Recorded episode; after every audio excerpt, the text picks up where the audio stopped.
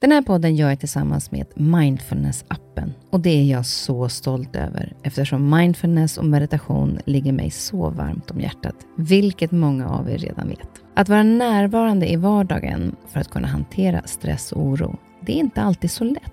Då kan man ha mindfulness-appen nära till hands för att hjälpa dig när du behöver. För mig kan det vara så till exempel när det gäller sömnen, att vissa dagar då har jag riktigt svårt att komma till ro. Framför allt när det är mycket med jobbet. Då brukar jag använda mindfulness-appen och avsluta dagen med en avslappningsövning för att sänka stressnivån. Det gör det så mycket lättare för mig att somna sen. Oavsett om du kämpar med sömnlöshet, stress eller bara behöver en stund för dig själv så har Mindfulness-appen verktygen för att hjälpa dig att slappna av och sova bättre. Appen är utformad för att passa in i din livsstil med korta övningar som passar även de hektiska schemana. Som lyssnare till Nyfiken på så får ni 40% rabatt på prenumerationen av Mindfulness-appen. Länk till erbjudandet ja, det hittar ni i poddens Instagram, kaspersen nyfikenpa. Eller så går ni in på themindfulnessapp.com kristin. Du lyssnar på en podd från Perfect Day. Välkommen till min podd Nyfiken på. Här får jag chansen att möta människor som jag är nyfiken på utifrån deras historia, kunskap eller erfarenheter. Människor som jag inspireras av och förhoppningsvis kan vi med det inspirera er. Och om ni gillar avsnittet får ni jättegärna dela det så fler får chansen att lyssna och det ger mig också möjligheten att få spridning på podden så att jag kan fortsätta länge att bjuda in människor till roliga och intressanta samtal. Glöm inte att du också kan gå in och prenumerera eller följa podden så missar du inte när avsnittet släpps. Veckans gäst är Stefan Erlandsson som rodde tillsammans med en vän över Atlanten. Hur sjukt? Och det gjorde de helt utan support, alltså de fick ingen hjälp utifrån och de blev de första svenskarna att klara av det. Han och Erik Grafström. Stefan har dessutom tävlat i Tough Viking, Ironman, ultramaraton och klättrat i berg i Ryssland. Många olika häftiga utmaningar. Men jag vill veta mer om Atlanten-äventyret. För mig är det helt ofattbart att ens tänka tanken på att ge sig ut i en roddbåt, i och för sig specialbyggd för att klara utmaningarna, men att ge sig ut på havet med vetskapen om att vågorna kan bli upp till 21 meter höga och att Atlantens djupaste djup snittar på 5000 meter. Det är helt sjukt. Men Stefan och Erik, de gjorde det. Det tog 57 dagar. Förutom sina äventyr och utmaningar som han ger sig ut på så jobbar Stefan i sin vardag som Business Development Manager på Björn Borg och är utbildad fallskärmsjägare och har uppdrag för försvaret. Jag är nyfiken på hur man förbereder sig mentalt och fysiskt för ett äventyr över Atlanten. Hur hanterar de de oförutsägbara händelserna och vad händer mentalt? Och vad har han lärt sig av rodden över Atlanten som han kan ta med sig idag i sitt vardagliga liv, både privat och i de team han jobbar med i sin vardag? Jag har pratat med några som jobbar med honom och han beskrivs som en extremt omhändertagande person. Han hjälper gärna till, men han vill inte hjälpa andra med att lösa saker åt dem, utan han hjälper andra med att själva hitta lösningen.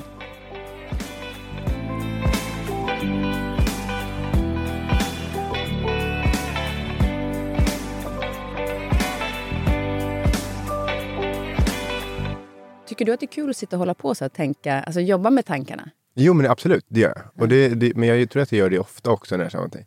Att försöka övertala mig själv att nej men, jo men alltså men, men, men det är ju bra. Och försöka, man försöker hitta det där positiva ibland. Mm. Och det kan låta lite konstigt att man, ja, men man ska inte behöva leta efter det positiva. Nej, men, fast jag tror det.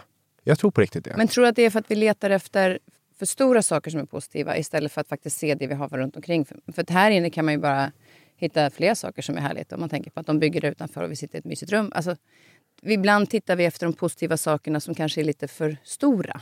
Det tror jag absolut. Det tror jag verkligen. Eh, jag brukar säga det där. Att, men en, en, liten anekdot. Jag var faktiskt med i eh, sån här uttagning till, vad heter det, till Bachelor och sånt Min kollega som, eller PA, ja. Shannon, som anmälde dig, var ja. det inte det? Jo, det var det. Exakt. exakt. eh, och, och, men, och jag sa att nej, men det här är inte för mig. Och så var det liksom frågor, varför då? Nej, men jag, jag tror inte på konceptet. Nu menar jag inte mm. prata illa om det, men för, att för min, mitt perspektiv, om man pratar om kärlek och relationer, så är det mycket, det handlar inte om det extravaganta. Det handlar om det enkla, vardagliga.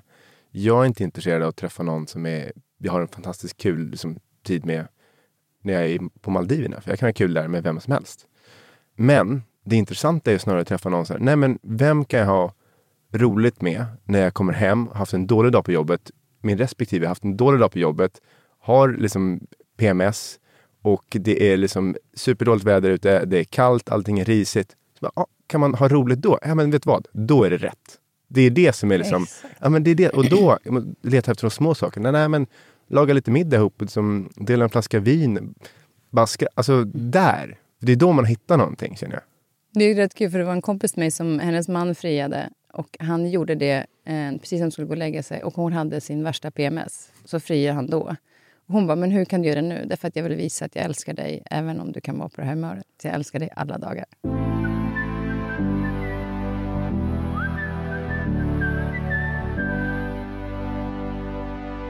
Du, nu har vi redan börjat prata. Eh, välkommen Stefan. Ja, men tack så mycket. Från, eh, vi ska prata om eh, framförallt din eh, rodd över Atlanten som är helt sjuk, som du gjorde 2014. Yes, 2013 2014.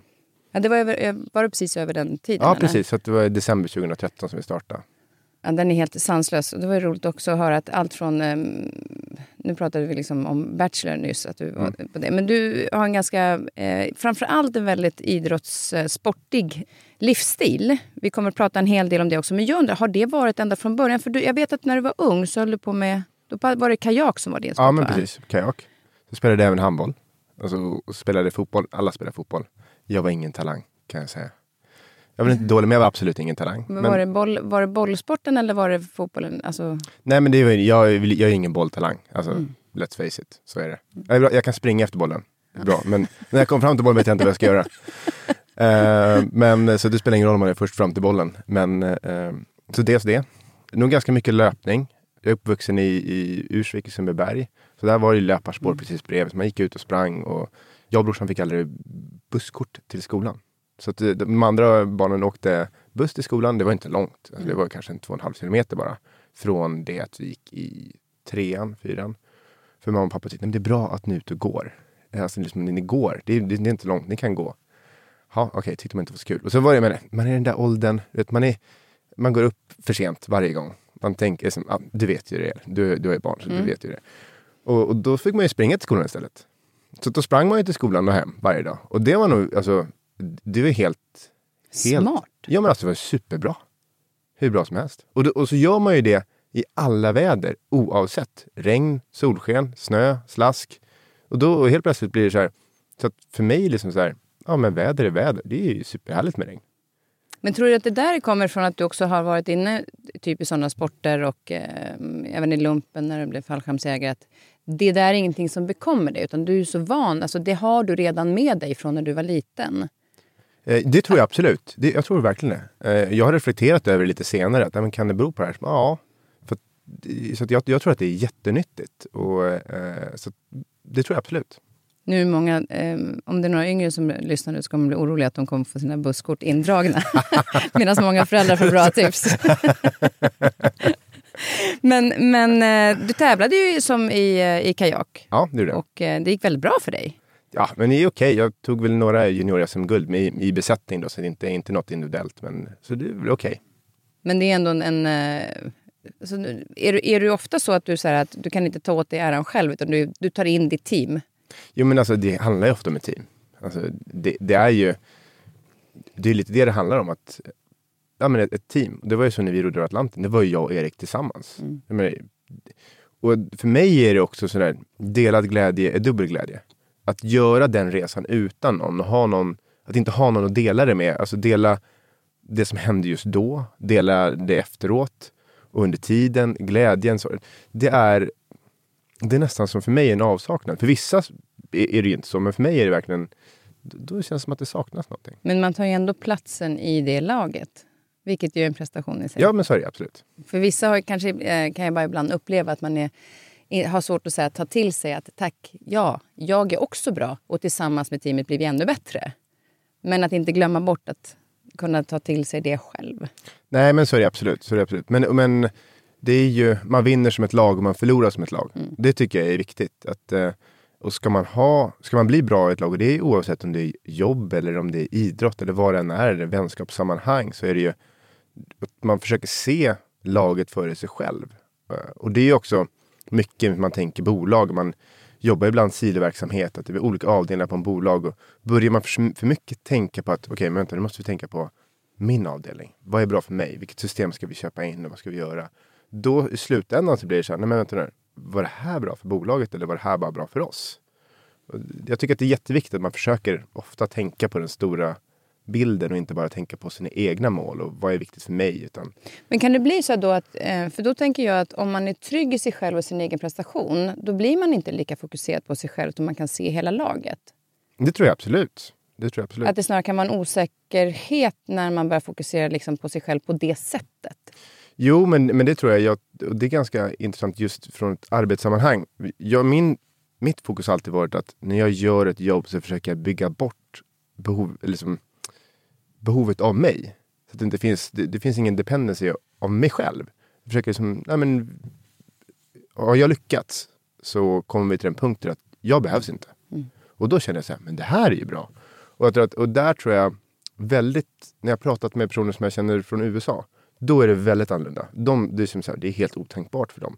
För där är det snarare att de som jag pratar med där försöker göra tvärtom. Att de är som så här, jag vill att bolaget ska vara beroende av mig. Men, men det är ju också en helt annan arbetstrygghet där. Mm. Så du, du har ju inte den tryggheten som vi har här.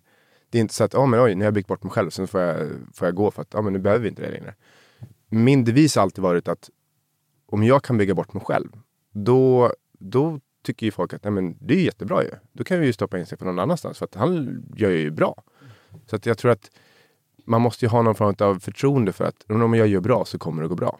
Där någonstans också så har du ju en i det här teambyggandet som vi kommer att prata om också lite grann längre fram. Det är ju att du som fallskärmsjägare nu när jag läser, det var ju lumpen. Mm, eh, väldigt fysiskt krävande, men jag tänker också mentalt eh, krävande i sådana olika situationer. Var kommer din mentala styrka ifrån skulle du säga? Ja, det, är, det är svårt att veta, om jag ska vara helt ärlig. Hur, eh, man kan ju tänka igenom och försöka leta efter, ja, är det en trygg uppväxt eller är det en, en trygg uppväxt kombinerat med också en otrygg uppväxt i vissa fall. När det varit tryggt väldigt hem, hemma, alltid väldigt tryggt och säkert och sen så kanske ute på skolor och så här som varit i otrygga situationer, att man bygger upp en någon form av säkerhet i det samtidigt som man ändå vet att det finns en trygg punkt. Eh, att man hamnat in i situationer man är tvungen att lösa. Och, och att jag tror att för mig tror jag kan handla om att det byggs upp under tid. Eh, för att vara trygg i problematiska situationer, det handlar ju om att man också har varit med om problematiska situationer och man har löst det. Att man har stått där innan och känt att jag har ingen aning vad jag ska göra nu. Alltså på riktigt, jag vet inte. Och sen blir det ändå bra. För då, då lär man sig något så här så att, men, jag kanske inte ska gå in på det nu, men nu hoppar jag i alla fall till det. Ja. Vi tar eh, en ganska bra situation som, som påvisar det här. Är, jag och Erik har precis satt oss i vår roddbåt och ska ro ut ifrån Kanarieöarna. Eh, och vi har i det här läget bra koll. Alltså vi har riktigt bra koll. Vi har pratat med, med folk som har gjort det här förut. Vi har koll på hur vädret kommer vara, även om vi visste att det ska bli dåligt.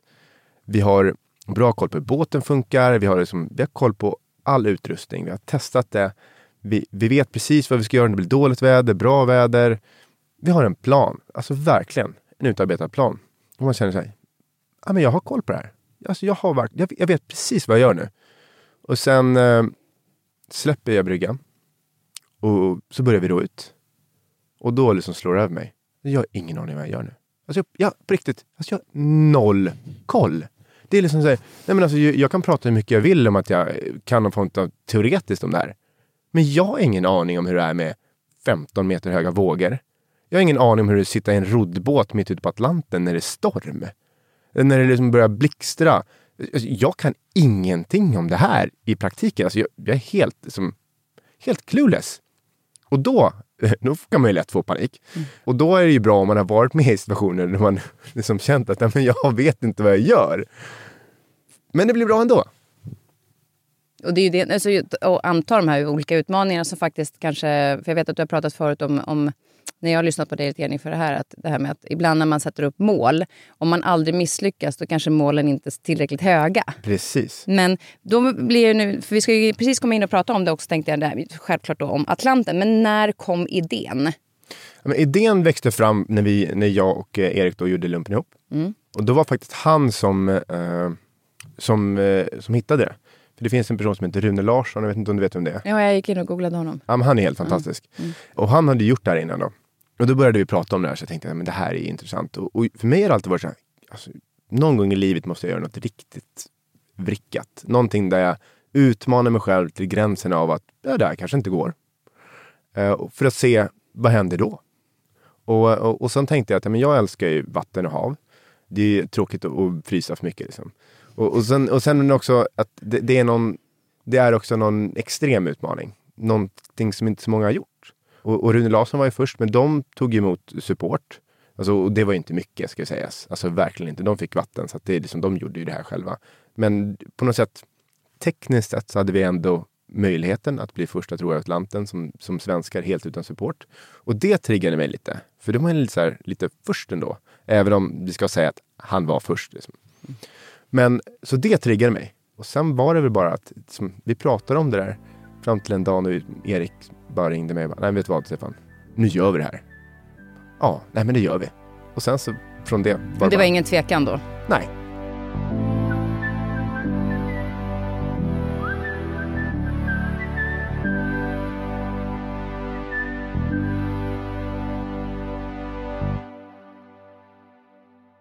Men ni hade ju en del, och det, var ju, det tog väl två år innan ni kom iväg. För det är en del liksom, planering inför. Yes. Eh, Rune Larsson, ni pratade ju med honom. Mm. När jag gick in och googlade på honom, då, eh, det första som kom upp var att en artikel där det stod 95 dagars helvete och hans kompis Niklas höll på att dö flera gånger. Mm. Och då tänker jag så här, när man pratar med någon som typ har ett sånt citat, tänker man så här, oh, det här kommer bli bra. Eller vad tänkte Nej, du? Jag, jag tänkte så här, det här är perfekt. Det är en tillräckligt så här läskig det här, utmaning. Det, här, det, det är ju så här det ska vara. Är det inte ja. det? det men, men vad, gav hon, vad gav han? För ni pratade med några stycken som har gjort extrema äventyr. Mm. Och vad, vad fick ni, du för konkreta råd som du verkligen känner att de här grejerna kunde jag verkligen ha med mig och användning utav? Väldigt mycket skulle jag säga. Och Rune Larsson var en, en jätteviktig person just för att eh, han har gjort så mycket annat också. Uh, han är inte bara, han är, men han är en extrem ultralöpare som har vunnit Spartathlon och han är väldigt extrem. Och att få höra liksom, ja, men vad var det som funkade och vad var det som inte funkade. Och det var ju väldigt viktigt. Och sen hade vi en annan mentor i Norge också som, som hjälpte oss jättemycket. Och han pratade om en sak som eh, ingen annan riktigt nämnde. Som jag ändå förstår är viktigt. Just det med att det största problemet som folk har där ute när de ska göra det här, det är ofta inte det som händer där. Utan det är saker som händer innan. Folk börjar när de sitter där ute på båten, men du är trött, du har inte sovit ordentligt på en månad. Du har slagit dig. Och så börjar du prata om vem egentligen har bidragit mest till att den här resan skulle funka. Eller vem har stoppat in mest pengar? Och, alltså, allt sånt där. Mm. För du blir väldigt, väldigt skör. Så det är viktigt eh, att man reder ut saker och att just som men också vi tittade på vad hade inte funkat för Rune. Vi fick läsa hans personliga dagbok och jag ska inte säga någonting om att stå där för det, det var mm. verkligen förtroende. Men att försöka titta också på men, på vilka, vad kan vi applicera från, det, från det, det, militära till det här för att få det att funka bra. Och det var väldigt bra, just det här med att man har satta rutiner. Pratar också med väldigt mycket med Henrik Bunge, som är vd på Björn Borg, som, eh, som är min vän som jag känner. Och han har ju skidat till Nordpolen. Så han har ju också mycket erfarenheter kring det här. Men det är ju också en annan typ av, för ni är ju på vatten och slipper frysa. Ja, eh, men, men, men, på vilket sätt är det den mentala biten då som, som Henrik kunde hjälpa er till exempel? Den, den, mentala biten, men också det handlar ju om en, det är samma sak, ett äventyr är ett äventyr. Och det handlar ju om en struktur. Att säga så här, nej men vem gör vad? Som har bestämt det. Så du blir expert på det du ska göra. Att, nej men det här är det jag har ansvar för. Då gör jag det. Och det här är det du har ansvar för Erik. Då gör du det. Och så vidare. Så har man du blir bra på olika saker och så gör man det mer så blir man ännu bättre och så vet man vems ansvar som är vad. Du vet hur mycket du ska sova, du vet hur mycket du ska ro, du vet hur mycket du ska äta, när du ska äta och göra det. För då då plockar du bort ganska mycket av de här möjligheterna till dispyter och trångmål och, att, man, att man ryker ihop. Jag menar, du sitter på en roddbåt mitt ute på Atlanten. Det är inte läge att börja slåss. Nej, verkligen inte. Verkligen inte. Men det var också en del, eh, det var en del av den mentala och planeringen och så här, men det är också en, en extremt eh, mycket träning. Ja, men jag skulle säga så här, vem som helst kan sätta sig i roddbåt och ro över Atlanten imorgon. Man kan göra, ja, men man beror på om man kommer över eller inte. Ja, definitionsfråga. Det är, bara, Ja. men det är, bara, det är bara att sätta sig och ro, sen så man rott tillräckligt länge som man är över. Men det, för det är ju ändå, träningen skulle jag säga inte handlar om att ja, men du ska klara av att ro. Det är ingen som klarar av att ro över Atlanten egentligen. Utan att skada sig, utan att få ont, utan att få problem. Utan det enda du gör är att du förskjuter tiden. Säg att så här, okej, men om jag tränar mycket, då börjar jag få riktigt ont efter en månad. Då är en månad kvar. Om jag tränar lite, då börjar jag få riktigt ont efter en vecka. Om jag inte tränar alls, då får jag riktigt ont efter en dag. Så det, det, det är bara att man, det där lidandet startar senare. Men du kommer lida. Och det är någonstans någonting som man är förberedd på. Men det jag tänker också, för jag läste någonstans att du satt ju ganska många timmar i de här roddmaskinerna. Ja, jo, men det gjorde jag. Alltså det måste också bli sjukt tråkigt. Vad hittar man för motivation då när man sitter? Hur många timmar kunde du sitta in? Men jag satt nog, jag tror jag, max två, tre timmar. Jag tycker bara att det, alltså jag förstår grejen när man har ett mål. Mm. Att man kan sitta där i två, tre timmar. Jag vet när jag åkte Vasaloppet, då kunde jag stå och staka. Mm. Eh, jag var nere i, eh, på Bali och var ju tvungen att träna inför Vasaloppet. Så jag hittade ett gym som hade en stakmaskin, så jag stod och stakade i en och en halv timme. Ja, och till slut så hamnar man ju i något form av mantra, typ. Ja. Så att man, oj, nu har det plötsligt gått en och en halv timme. Men, men att göra det så mycket, hur hittar man någonstans motivationen och liksom kicken varje gång man går dit? För att vissa träningspass är ju inte alltid riktigt roliga. Nej, men det stämmer, ju- det stämmer verkligen. Men, och, och där är väl lite som att försöka hitta, hitta olika saker. Jag menar, hitta en, en träningsvän. Eh, och, och bara boka in en tid. Ja, då blir det ju av. Då kommer du inte... Du, du kan ju inte gärna ringa upp din polare. Nej, men jag kommer inte. När personen är redan på väg till gymmet. Ja, men då dyker man upp. Eh, och de kan ju inte med varje gång. Men kanske någon gång. Eller att du försöka hitta så här, nej men om jag gör det här så, så okej, men fan, du gör det här sen, det blir bra. Och, och variera passen. Jag menar, kör lite intervaller, kör bara rakt av. Och sen försöka fokusera på varför gör jag det här? Det, det är jätte, jätteviktigt. Jag brukar prata om det just det när jag, när jag föreläser. Jag har tagit det från Simon Sinek. Just det där med att varför är jätteviktigt. Om du, du har ett mål och du inte reflekterar över varför du gör det här. Då är det väldigt lätt att när det börjar bli jobbigt. Då vet du inte ens varför du gör det här. Så att, att du verkligen innan du ska gå in i det här och säga att fokusera, nu, ska vi, nu kommer jag behöva ro i tre timmar varannan dag, sitta i roddmaskinen, supertråkigt. Och sen har man inte ens tänkt på varför ska jag göra det här? Men då blir det ju jättejobbigt när du ska gå upp klockan fem eller sex på morgonen för att göra det här innan jobbet. Men de har liksom inte ens kommit fram till det. Mm. Alltså det blir ju en... en eh, alltså det, det är någonstans här, hitta varför är ju viktigt i många olika... Alltså är Absolut. egentligen alltid, det, oavsett om det är på jobbet eller inte, att varför jag gör det här. Vilket vi ibland kanske inte ställer oss den frågan. Så den är ju viktig att ta med.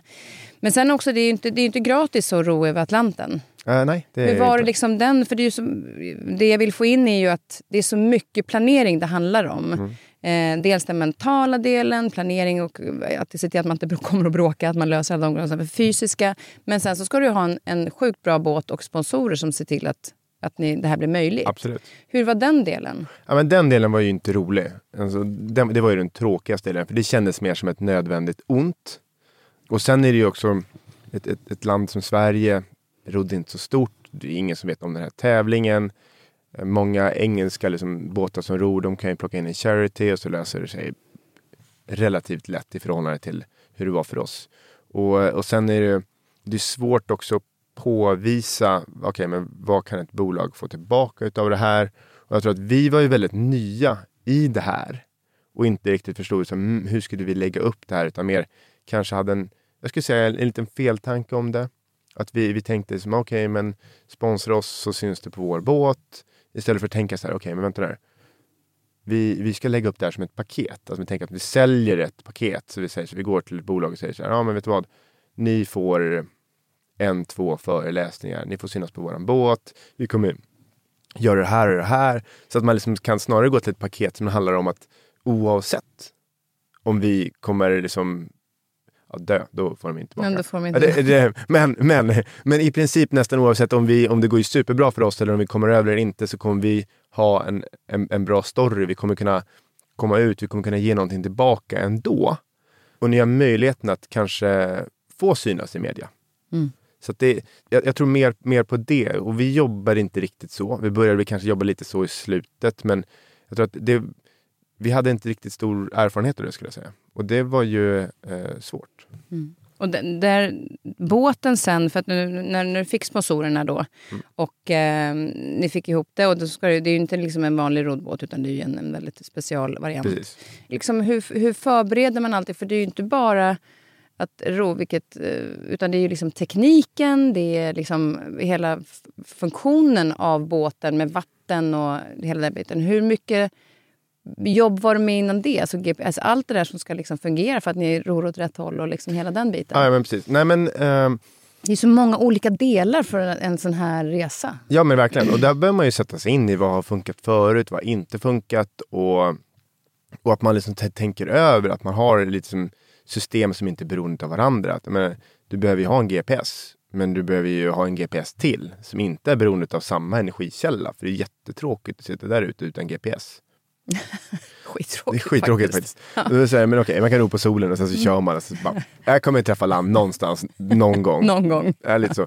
Men så att man, man försöker tänka igenom det och, och försöka titta på vad har gått fel för andra. Eh, Och försöka, okej, hmm, okej, och varför då? Okej, ja men då så. Och så försöker man undvika det. Och, men det är som allting i teamwork, att det finns ju folk, våga fråga.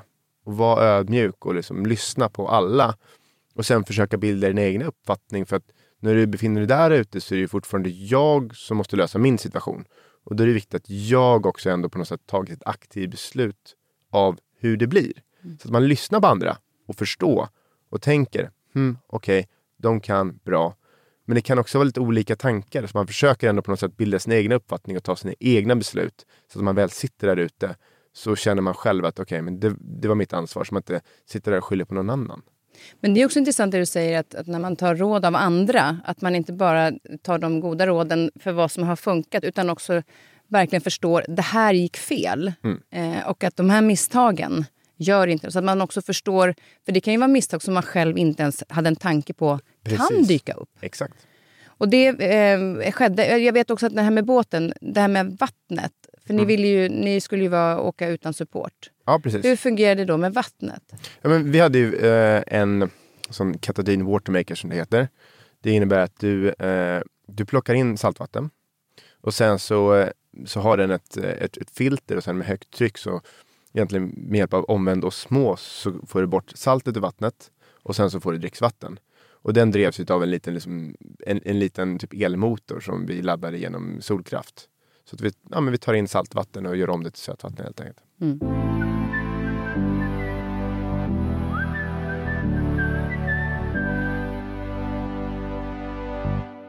Vad hade ni för mål? Förutom att vara de första svenskarna som tar sig över utan support.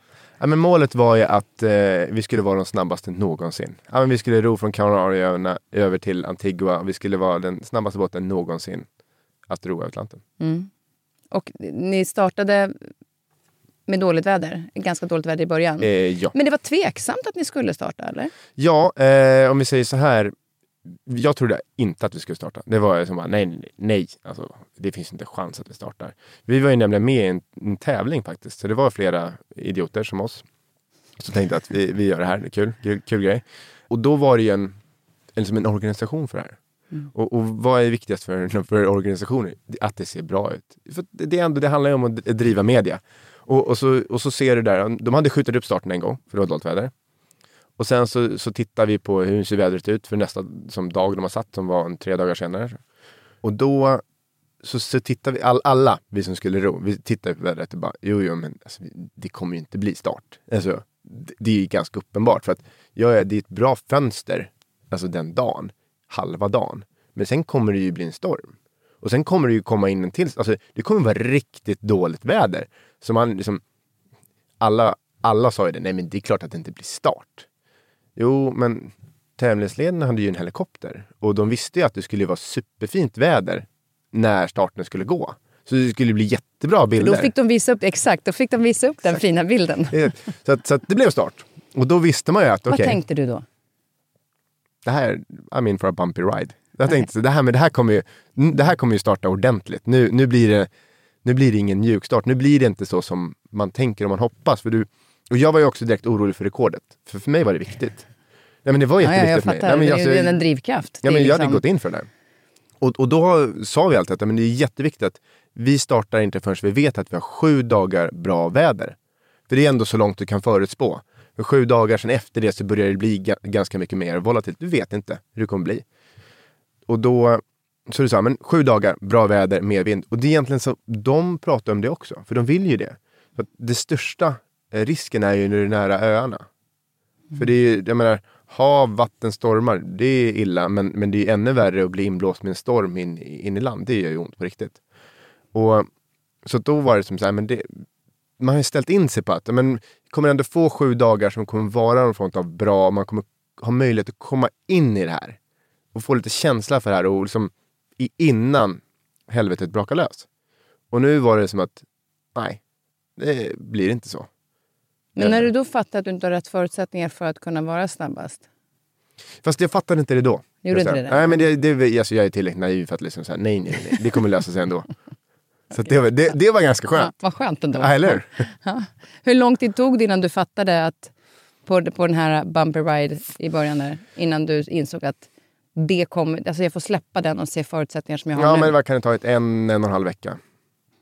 När vi liksom eh, efter, vad kan det varit, en och en halv vecka när vi liksom gått på två stormar och sen så blåst tillbaka två gånger. Och, och, och, alltså jag, jag är bra på att räkna så att jag direkt kommer fram till att om vi fortsätter så här så tar det oss eh, över 90 dagar och vi hade tänkt ro under 40 så att det var ju ganska kört. Det man, ja, för vad jag förstod så är det så att liksom, man, man tycker att så fort du bara ror och rör dig framåt så kommer du framåt. Men det är ju, det, man hamnar ju, dras ju ett dygn tillbaka. Ja, det är ju inte så jättelätt att ro emot en storm. Nej. Det, då är det som så här, mm, Så men, bara mentalt tänka så här, okej, nu har jag rott en dag och nu är jag två dagar bakåt. ja. ja, men det är tråkigt. Då, då känner man så här, mm, inte så kul. Men jag, jag, för mig är det lite ofattbart att de här vågorna, för jag läste nu så här Atlanten, då kan vågorna bli upp, eh, inte högre än 21 meter. Nej, inte det. så, så det behöver man inte oroa sig för. Nej, men jag kan... Alltså, du sa ju själv att de som är lika knäppa som jag. Men när du väl är där uppe och ser de där gigantiska vågorna, det bara blåser, det blixtrar. Hur, han, hur hanterar man liksom den mentala delen? Tänker man inte så mycket utan bara liksom ror? Eller vad fan gör man? Kan Nej. man ens ro i sånt här väder? Ja, precis. Nej, men, nej, men vi hade ju... Det blir ju efterdyningar efter stormar också som blir jättestora. Och det som, det som är bra, det är att det, det, du ror ju inte ut och så kommer en 15 meter hög dyning. Utan det ror ju ut och sen så blir det, det byggs ju upp. Så, att det, så kanske det är liksom som 3-4 meter höga dyningar, vågor. Och, och då tycker man ju att det är stort. Då känner man sig liten. Och, och sen så när man haft det ett tag så börjar man säga så nej men vet du vad, det är inte så farligt. Och sen blir de större och så oj, nu är de stora. Så det byggs upp hela, hela, hela tiden. Så helt plötsligt så sitter man där så är det så berg. Så 15 meter höga berg som kommer emot en och så oj. Och, och sen kommer man över det också. Och faktum är att de höga dyningarna är inte så farliga. Det är mycket, mycket värre med liksom en tre meter brytande våg. Och jag trodde inte att vågorna bröt på det sättet ute på Atlanten, men det gör de. När det blåser på riktigt ordentligt. Och, och det är det som är det farliga. Så det är, det, det är inte storleken på vågen, för att dyningarna är nästan som, ja, men det är som berg som kommer. Det är liksom inte den där det är mer böljande på ett annat sätt. Mm. Eh, och när man är så liten, då kan man liksom följa mer och mer, för då är på en våg. Liksom. Men, men de mer aggressiva vågorna, de som bryter, det är där problematiken är. Och det, det, nu kommer vi till det, att båten, vi välte. Ja, Vad var det som hände då? jo men det som hände var väl en kombination av många saker skulle jag säga. Dels att vi, vi var övermodiga. För det var vi. Alltså, vi hade gått igenom två stormar vid det här tillfället och, och det var liksom efterdyningar efter stormar. Så det var ganska höga vågor och de bröt. Och vi... eh, Det var lite sådär som att man, när man börjar känna att man har koll på grejerna. Alltså vi, vi som, vi som fistbumpar varandra och bara shit alltså nu, alltså, vi, vi är grymma på det här. Alltså, hur brukar du göra den här vågen? Ja men jag gör så här. Och bara ja ah, men alltså det funkar bra. Ja, men jag, jag brukar göra lite så här. Börja dela liksom erfarenheter. Förtroendet börjar Ja men lite sådär, men typiskt sådär killigt att man tror såhär, men alltså det, jag kan det här nu. Alltså jag kan det här nu. Alltså de där vågorna är stora men, men jag vet hur jag gör. Och det är ju då man är som, alltså du har ju ingen koll alls. Men man har ingenting att sätta till dem. Och så sitter vi i, eh, jag har precis gått av och tänker så här att ja, men jag kan sitta och käka min, min eh, lunch eller middag och, och prata med Erik istället. För att jag liksom bara går och lägger mig och vilar. För att det var ändå lite så här, vi var lite höga på livet liksom. Det var, vi kände oss väldigt salta i det tillfället. Och då var det så att nej, men när, man, när man satt där och rodde och den andra satt ändå och vilade innan gå och lägga sig så, eh, så sa man ju till att nej, men nu kommer en stor våg. Ja men så höll man i sig liksom. Ah, okay, bra. Så Erik liksom, sa, ah, men det kommer en stor våg. Och sen så höll jag, höll jag i mig. Och bara, ah, ja men skönt. Liksom, surfa med den där vågen och fick lite mer fart. Tycker att ja, men det, var, det, var, det är kul liksom. Och sen så, eh, och Erik säger, ah, men det, det kommer en stor våg. Så bara, ah, absolut. Och så, bara, och så ser han liksom, liksom fryser till och liksom, så här spärrar upp ögonen och så bara, alltså stor våg liksom. Det är det enda han får ur sig. Jag bara okej. Okay. Och håller i mig och så känner jag liksom så här, oj jäklar, nu börjar båten lyfta upp. Och så hör jag det där ljudet av att, den liksom, att, att vågen börjar bryta. Och bara oj. Och det, jag, får så här, jag får rysningar nu när jag pratar om det. För jag känner så här rysningar, oj, oj. Och båten liksom verkligen börjar surfa ner med den här vågen. Och så tittar jag åt sidan så ser jag liksom så här hur brytet kommer. Och, bara, och då känner jag så här, det här kommer inte gå bra. Och så bröt den liksom över oss då. Och tryckte oss liksom i, så den vände oss, vi låg i, i sidan. Och menar, sidan mot en brytande vi flög ju bara rakt ur båten. Alltså det var ju bara, det tog inte många sekunder. Och så tumla runt där och, och jag tror att i luften där så tänkte jag så här, nej men nu går det helt åt helvete. Alltså det här, det, det är så kört nu. Nu är det bara, ah, ja, I, mean, I had a good run liksom. Landar i vattnet och, och tumlar runt där och bara känner så här, ja men eh, fan, det här är ju ganska varmt och skönt. Liksom, så här, och, fan, jag ser ju Erik snurra runt där. Liksom, så, ah, ja, han verkar ju leva. Liksom. Ja, där är båten upp och ner. Så, ah, den, den du. är ändå där. Och så, och så klättrar vi upp på båten och sen så är det som, och så tittar jag på Erik och han tittar på mig och bara alltså det där var det coolaste jag gjort i hela mitt liv. Var så- är så här, adrenalin och man är hur glad som helst. Man bara wow, alltså det där var så häftigt. Och det var skitcoolt.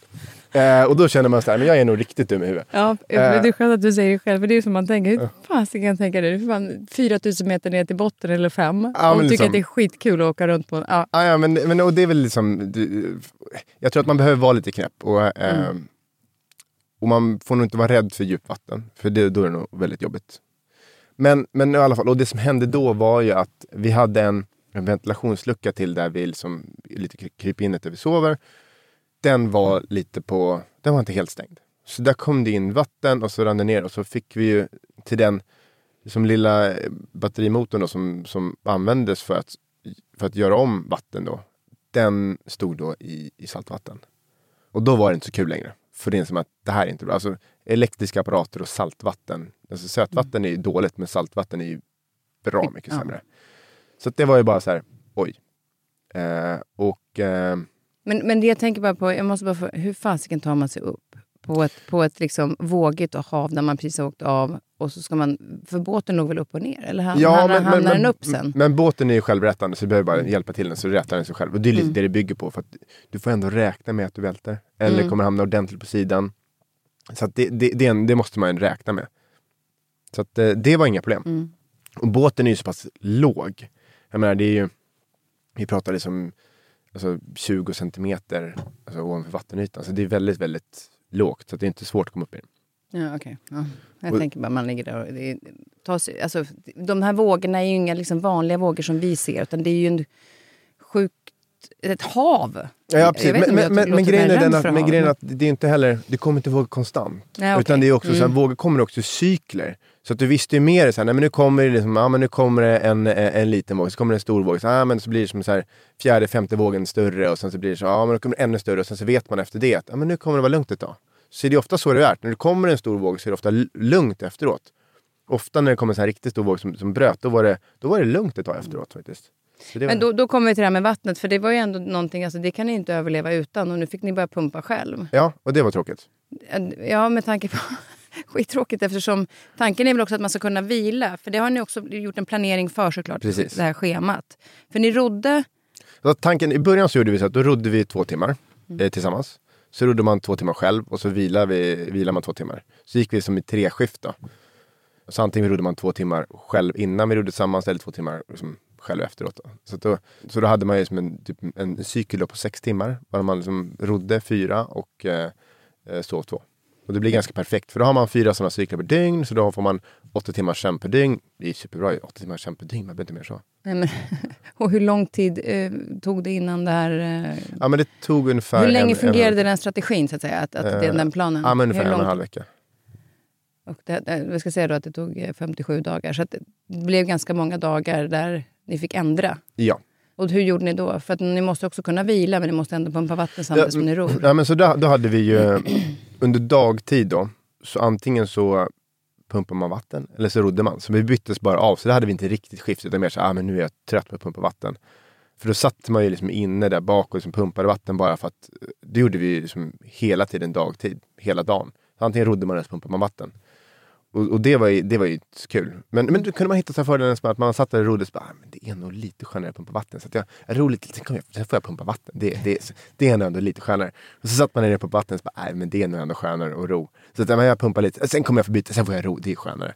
Så det är som, och, sen, och då var det så här, men då kunde vi hänga med varandra. Då kunde vi snacka med varandra. Liksom. Det Men det är också intressant hur du ehm, hittar eh, nya tankar för att inte hamna i de här negativa tankarna. Att det här jobbet är jobbigt. Utan du vänder och hittar hela tiden de här eh, som driver dig framåt. Och som liksom, där du får någonstans energi. Mm. När man sitter så många timmar tillsammans. Eh, alltså ett, pratar, ni pratar inte hela tiden förhoppningsvis. Eller gjorde man mest det? Ja, men vi, alltså, vi kände varandra väldigt bra innan. Mm. Så att vi hade, det fanns egentligen kanske inte så mycket ämnen som vi inte hade rätt ut innan. Alltså pratat om. Menar, och dessutom så var vi på Kanarieöarna tre veckor. Förberedde oss ihop innan. Och jag menar, alltså, vi, måste gilla varandra vi väldigt Ja, vi umgåtts väldigt mycket innan. Här. Men att, jag menar, vi gjorde lumpen ihop. Vi är liksom väldigt bra vänner. Och sen så två år, då var vi väldigt nära. Och liksom, jag var ofta nere i Malmö och hälsade på honom för att liksom, jobba med projektet och testa båten och allt sånt där. Och sen tre veckor intensivt ihop. Så att jag menar, det fanns inte så mycket ämnen att prata om. Men, eh, men vi hittade på saker. Vi körde mycket den där jag tänker på en karaktär och, och liksom, men försöka liksom, men det, ja. Man får hitta Men för, fick du liksom just att vara själv med tankarna ibland? För vi vet många jag pratar med som eh, är ute på något äventyr och där det, där det går åt att du är väldigt mycket själv till exempel. Någon som har gjort så ensam cykling och sånt där. Så Mm. blir det ju ändå att man också kan komma till insikter Mm. när man är där ute. Att, om andra saker i livet. Mm. När du sitter på till exempel då, en liten roddbåt ute i det stora havet. Kände du att du hamnade i såna tankar? Ja, absolut. Verkligen. Och framförallt, eh, vi hade väldigt mycket bra stunder också. Alltså, vissa stunder var hemska, men väldigt mycket bra stunder. Och jag vet framförallt, jag tyckte väldigt mycket om nätterna när de var bra. Sen var nätterna de absolut hemskaste också. Men en bra natt när det är stjärnklart, du har en, liksom, en, en lätt medvind, du är inte rädd för livet du kan sitta där helt själv, helt knäpptyst. Kanske lyssna på lite musik eller, eller bara helt liksom, bara lyssna på havet. Och då börjar jag med verkligen tänka och reflektera över livet och, och det är väldigt härligt. För, för det är också ett tillfälle som jag tror att många inte förstår, men att du är helt stressfri. Att, jag menar, så som vi lever idag, jag menar, det, det, det är nog få människor som kan säga så här, säg en tidpunkt i ditt liv när du kände att du hade ingen stress. För att i det läget, vårt liv var ju väldigt, väldigt enkelt. Det handlade bara om att ro, äta, sova. Det fanns ingenting annat. Så att när jag satt där och rodde, det fanns ingenting som jag tänkte så här, oh, men det här måste jag lösa imorgon eller ah, det här har jag glömt att göra eller oh, ah, det, fan, just det, det här skulle jag göra. Utan det handlade bara, det, det, var, det var ingenting annat. Och så sitta där och verkligen känna att liksom, tankarna får sväva iväg och det var helt fantastiskt. Det låter extremt behagligt. Ja men verkligen. Ja, och det är otroligt vackert. Ja, de, de säger det, de som har varit på Atlanten, som jag har lyssnat till i alla fall, att när det är stjärnklart, Ja, då det är är det stjärnklart. Verkligen, verkligen. Att det är så starkt. Men ni fick också lite sällskap. Ja, vi det fick var också en sällskap. häft, häftig Ja, upplevelse när delfinerna kom. Ja men det Eller? var superhäftigt. Det var vid två tillfällen. Och det som, de ser man runt båten där och nej, det var ju, alltså, och det älskar jag. Jag älskar ju djur och framförallt när man får träffa på dem på deras villkor i deras miljö. Det var ju superhäftigt. Men du simmade inte med dem? Nej, inte, jag har gjort det vid ett annat tillfälle. Nu faktiskt ute och dök. Så ho- hoppade jag av, av båten när vi dök upp till stimdelfiner. Men just i det tillfället så, så gjorde jag inte det faktiskt. Men, men för det är ju också det att även om vi pratar om många av de här utmaningarna som eh, ni mötte där ute så är det ju också väldigt vackra och häftiga upplevelser Verkligen. under den här tiden. Som, som ni ändå får, liksom, att, som man kan ta med sig. Sen fick du, det var inte bara djur i vatten, du fick något i huvudet också. Ja, men flygfisk. Men det, alltså, men det blir, man, blir roligt. träffad av flygfisk hela tiden. Alltså, ja, ja, alltså på natten. Ja, ja, ja. Nej, men alltså konstant. Ja, vad sjukt. Ja, du fick den rätt i pannan. Var det. Ja, ja, rakt i pannan. Rakt i pannan. Men nu, ska vi, nu börjar ni närma er målet. Ja. När, när, vad kände du när du ser land för första gången på... Jag, jag tror att det, det är faktiskt svårt att beskriva. Jag var, jag var nog halvt hög på koffein också i det läget. Jag är ganska koffeinkänslig och eh, vi hade med oss här typ koffeingel som man kunde dra för man skulle vara som, pigg på natten ibland. Och, och jag hade, nej men undvek att ta dem ändå för att det var viktigt för mig att kunna sova ordentligt. Förutom sista dygnet, då drog jag en tre, fyra stycken sådana där så jag var helt, liksom, helt speedad på det. Och den här liksom, euforin av att se land, det var helt, ja, men alltså, det, var, det, det är svårt att beskriva den känslan om jag ska vara helt ärlig. Det var helt fantastiskt. Alltså man var som så här, och, och sen också att man börjar känna så här, nej men alltså vi gjorde det här. Nej men alltså vi, vi, alltså, vi, alltså vi gjorde det här. Nu har jag gjort det här. Alltså. Det var helt, helt, alltså, ja men helt fantastiskt.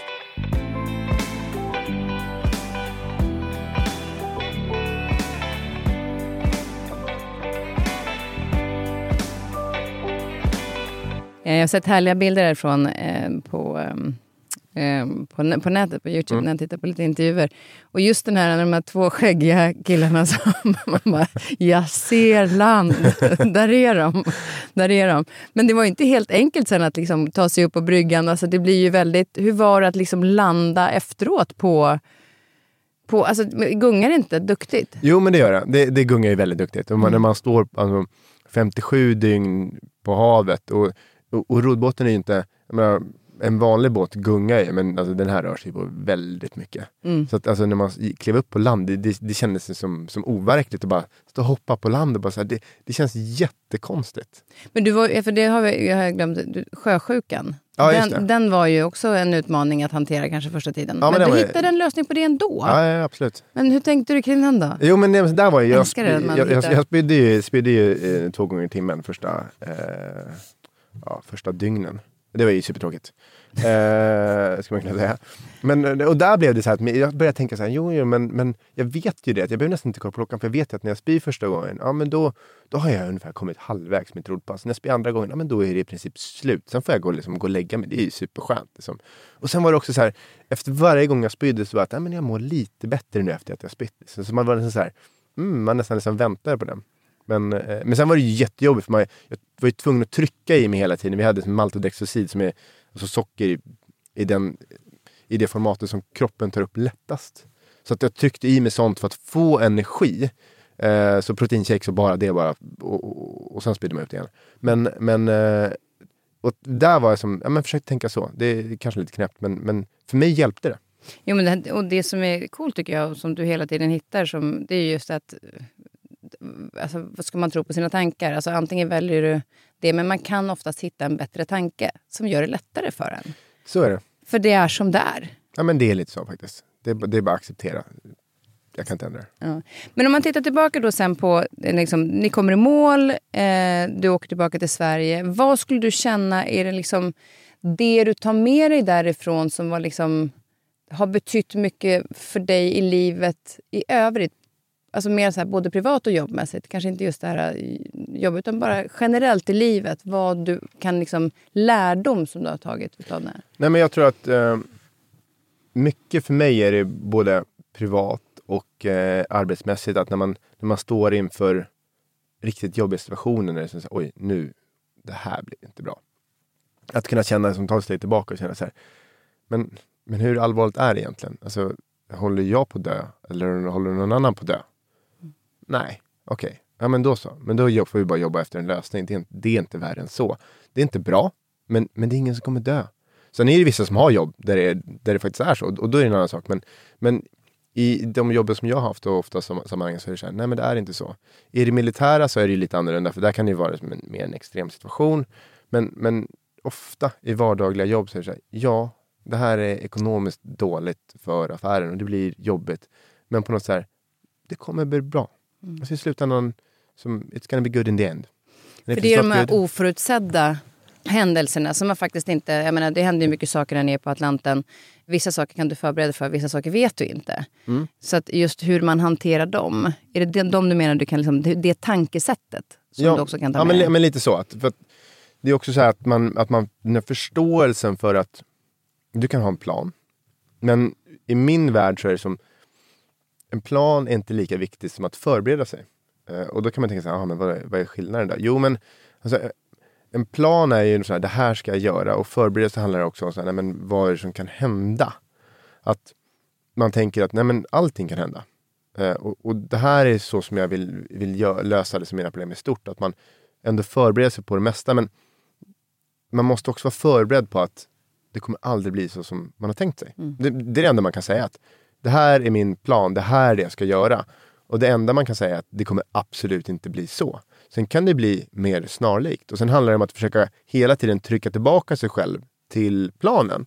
Men att man accepterar och förstår att det kommer inte bli så som jag tänkt mig. Utan jag kommer behöva lösa saker under tiden. Och att förstå det. Men om du ska, det är likadant när jag bytt system på Björn Borg. Att man liksom, nej men det blir inte så som man tänkt sig. Det, menar, har man byggt ett affärssystem så, så förstår man precis vad jag menar. Att det, ja, men, det, men när någonsin har man lanserat ett affärssystem eller ett stort system överhuvudtaget och, och sen så trycker man på knappen att nu kör vi och mm. så bara lirar allting. Äh, that ain't gonna happen. Mm. Och, och lite den förståelsen att nej men, jag tror inte ens att det kommer bara vara kör, utan jag är förberedd på att Nej, men eh, det, det, det, kommer bli riktigt jobbigt. Och sen försöka hitta det positiva i det. Men, men har du någon gång känt så att, att ge upp? För jag vet att det var ju några båtar som inte alltså som bröt. Ja. Att ge upp? Ja, men just på Atlanten så tänkte jag inte på det. Jag har ju varit andra saker där jag är tvungen att liksom så här, sluta. Jag ser det inte som att ge upp alltid. Utan, eh, utan det är så här, nej men okej, det, det funkar inte. Då får man försöka igen. Eh, Men vad, vad, kan få dig till exempel att, att känna så här, okej, okay, för vad jag förstår så är du ju väldigt prestationsinriktad, du har dina mål. Ja.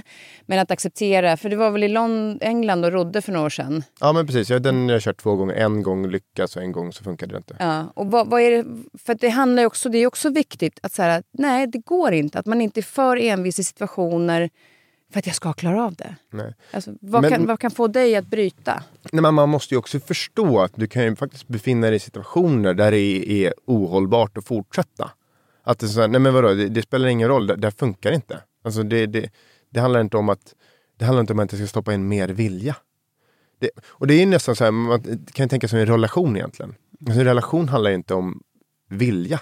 Jag menar, om du inte funkar ihop det spelar ingen roll att du kanske försöker mer. Och då säger inte jag att man ska ge upp på det. Absolut inte. För en relation handlar ju om att man måste faktiskt anstränga sig och försöka. Men man kan också befinna sig i en relation där det spelar ingen roll hur mycket energi eller vad jag än försöker och vad jag än gör. Det kommer inte att funka. Och det måste man också acceptera och förstå. Och så kan det också vara i en idrottssammanhang eller ett jobbsammanhang att nej men det här funkar inte. Men om vi tar en extrem sak med så här, nej men om du ska klättra upp för för Kebnekaise och så, så ramlar och, och, och bryter lårbenshalsen och du börjar blöda ordentligt och har en inre blödning. Ja, men då är det inte riktigt läge, även om du säger, ja, men jag kanske kan krypa upp. Men, men det är också så här, ja men, men du kanske kan krypa upp, men det är också så att du kanske kommer upp, men det är väldigt stor sannolikhet att du aldrig kommer komma ner. Mm. Så det, det man, någonstans blir det också så här, men man måste också vara förankrad i verkligheten. Men du kan hamna i situationer så här, nej men det är liksom ingen mening att försöka nu. Och, och där är det så svårt för du måste ändå acceptera ett nederlag. Men och som jag säger, att om du aldrig misslyckas, då betyder det inte att du är duktig, utan snarare att du aldrig vågat försöka någonting där du utmanar dig själv ordentligt. Den tycker jag är så himla bra. Nej, och det är just det, för att det är så lätt. Jag är, lite, jag är lite på det här med mål, för att jag har haft diskussioner, liksom, men jag tycker att det är intressant mm. varför man sätter upp mål. Eh, och Det finns olika delmål och sen att jag har förstått med mig själv, när under tiden jag har försökt lära och fatta hur jag funkar, så är det att jag tycker inte om egentligen själva målet. Alltså det är klart jag vill nå dit. Men det är ju hela resan för Mm. mig som är så jäkla coolt. Oavsett om när jag gifter mig, det är inte bara den dagen jag står och gifter mig, utan det är liksom planeringen allting för. Och så är jag också väldigt mycket om jag ska åka Vasaloppet till exempel. Ja, men då, då var det ju liksom hela träningen, alla vi tillsammans. Att jag ser det. Men det finns många... Eh, jag fick en artikel faktiskt av din kollega Henrik som, där det handlade om att kvinnor är mycket bättre på att se resan fram till målet och känner efter hur kroppen mår bättre. För de måste inte nå den där tiden. Kan du känna igen dig? Hur viktiga är de här målen för dig? Och hur sund är du att kanske ändra dem utifrån de förutsättningar du har? Jo, men, nej, men det kan nog vara alltså, helt okej på. Alltså, jag, menar, jag kan ju bara ta Atlanten. Det, det, när vi insåg att vi inte skulle slå rekordet. Det, det tog ju kanske mig två dagar att komma över det. Det var, det var väldigt jobbigt. Det, var liksom så här, det, det var verkligen så här. Och jag har gjort andra saker som jag misslyckats med i livet som jag ja, men nästan grämt mig över ett år. Alltså, det, när man verkligen vill göra någonting, och verkligen vill lyckas med någonting. Och så, så kan det vara. Och det, det måste man också acceptera. Eh, och man får, man får tänka om. Men jag tror också att där tror jag för mig kommer också varför in. Att man liksom så får se som så här, rodden är med, men när det inte funkar så försöker man hitta så här, jo men vad är det egentligen jag vill uppleva? Jag vill uppleva det här. Och det fick jag göra. Och att man liksom så börjar se att nej, men, det här det jag gör nu, det var ju det jag ville göra. Det var ju egentligen viktigare än att slå världsrekord. För världsrekord var någon form av att göra någonting som ingen annan har gjort. Men jag gör fortfarande någonting just nu som var det jag egentligen vill göra. Så man, man kommer in i, i det. Och jag tror att där är det så otroligt viktigt att varför gör man det här? Och det känns som att du verkligen har hittat det när du pratar om Vasaloppet. Och när du pratar om ditt giftermål. Att det som, du kanske inte tänkt på det på det sättet men uppenbarligen har hittat det väldigt bra. För då är det lättare att göra det att när du känner så här Nej men det är ju så kul med den här träningen och jag känner en glädje i den här motivationen och, och, och då har du ju verkligen hittat rätt. Jo, men just det här också så att när, när man under loppet... eh, Du ska åka Vasaloppet nästa år, va? Ja, jag tänkte det. Mm. Nej, men första gången jag åkte Vasaloppet då var det ju snabbaste året. Mm. Eh, det var ju super. Jag bara, ja, life, det här gick Mm. ju hur bra som helst. Det året jag åkte för två år sedan var ju... Det har aldrig varit så många som har brutit. Mm. För att det var sånt kaos i vädret. Men, men, och då var jag hela tiden så här fokuserad på, okej, när vi startade, okej, jag kan inte tänka på den gamla tiden jag hade, för det kommer jag Nej, aldrig kunna. nej. Alltså det är bara att glömma. Men att jag tänkte att för att hålla hela vägen, för jag tycker ju inte om att det är för jobbigt. Alltså jag Nej. tycker inte om att, liksom, jag åker hellre långt än att springa korta. Mm. Så att man kräks typ. Utan hellre långt som man kan.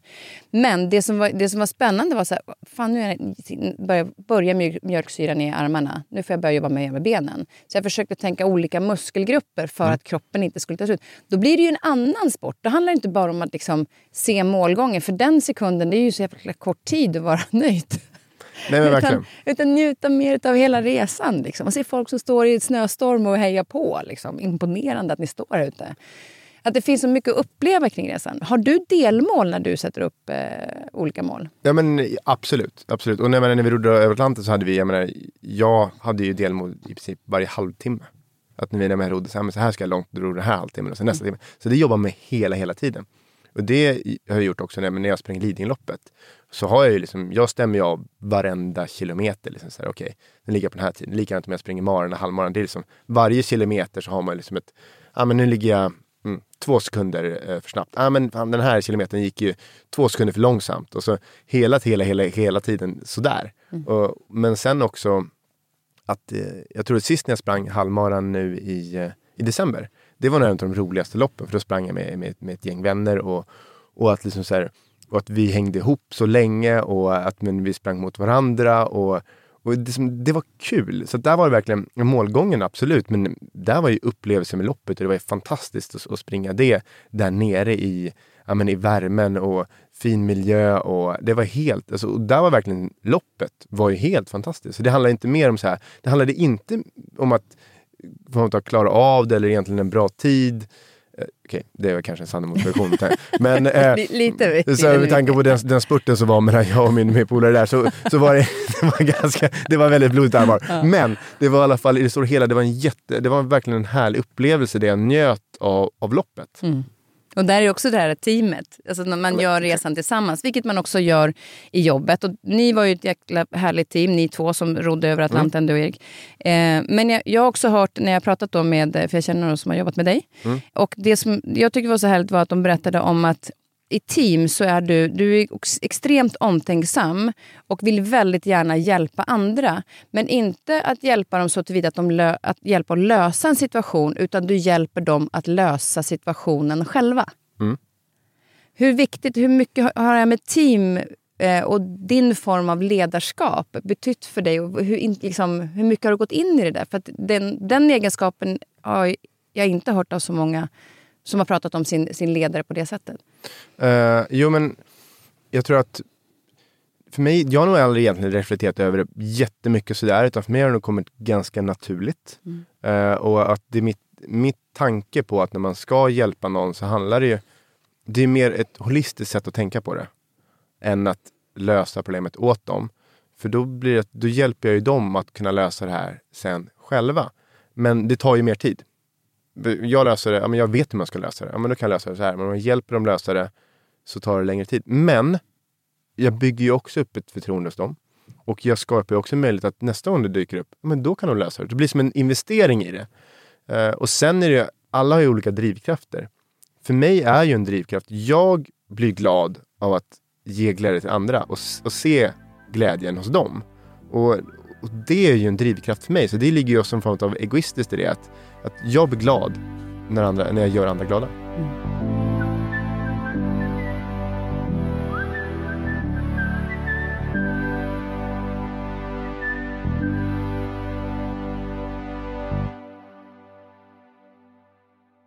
Ja, det är häftigt, men, men eh, just det här som, som att vara ett team. För du verkar ju, om man tittar det vi har pratat igenom, så liksom allt ifrån lumpentiden till, liksom, eller när du var i lag, när du paddlade kajak, så har du ju hela tiden jobbat med i team hela vägen. Nu, nu börjar jag skratta, förlåt, men nu du är singel. Det pratade vi faktiskt precis om innan. vad, vad, är det som gör att vi lyckas i team eh, på jobbet och så vidare, men, men eh, inte privat? Höll jag på ja, det, det, finns ju många, många teorier kring det. Ja. Jag tror att men det är väl också så här, men man, man jobbar mycket, man har mycket annat att göra, det är svårt att, att träffa. Och sen så frågar man mina vänner så säger man så här, jo, men Stefan, men dina krav är ju orimliga. Ja, vad har du för krav? Alltså, ja, vi ska inte prata om det. Nej, men, nej, de, de, de, de, kanske, de är nog kanske orimliga. Nej, men jag tycker att det är svårt om jag ska vara helt ärlig. Ja. Det, det händer att man träffar människor som man blir jätteintresserad av och tycker mm. att det är superkul. Men det är, väl, alltså det är jättesällan som jag faktiskt träffar någon som jag känner så här, wow.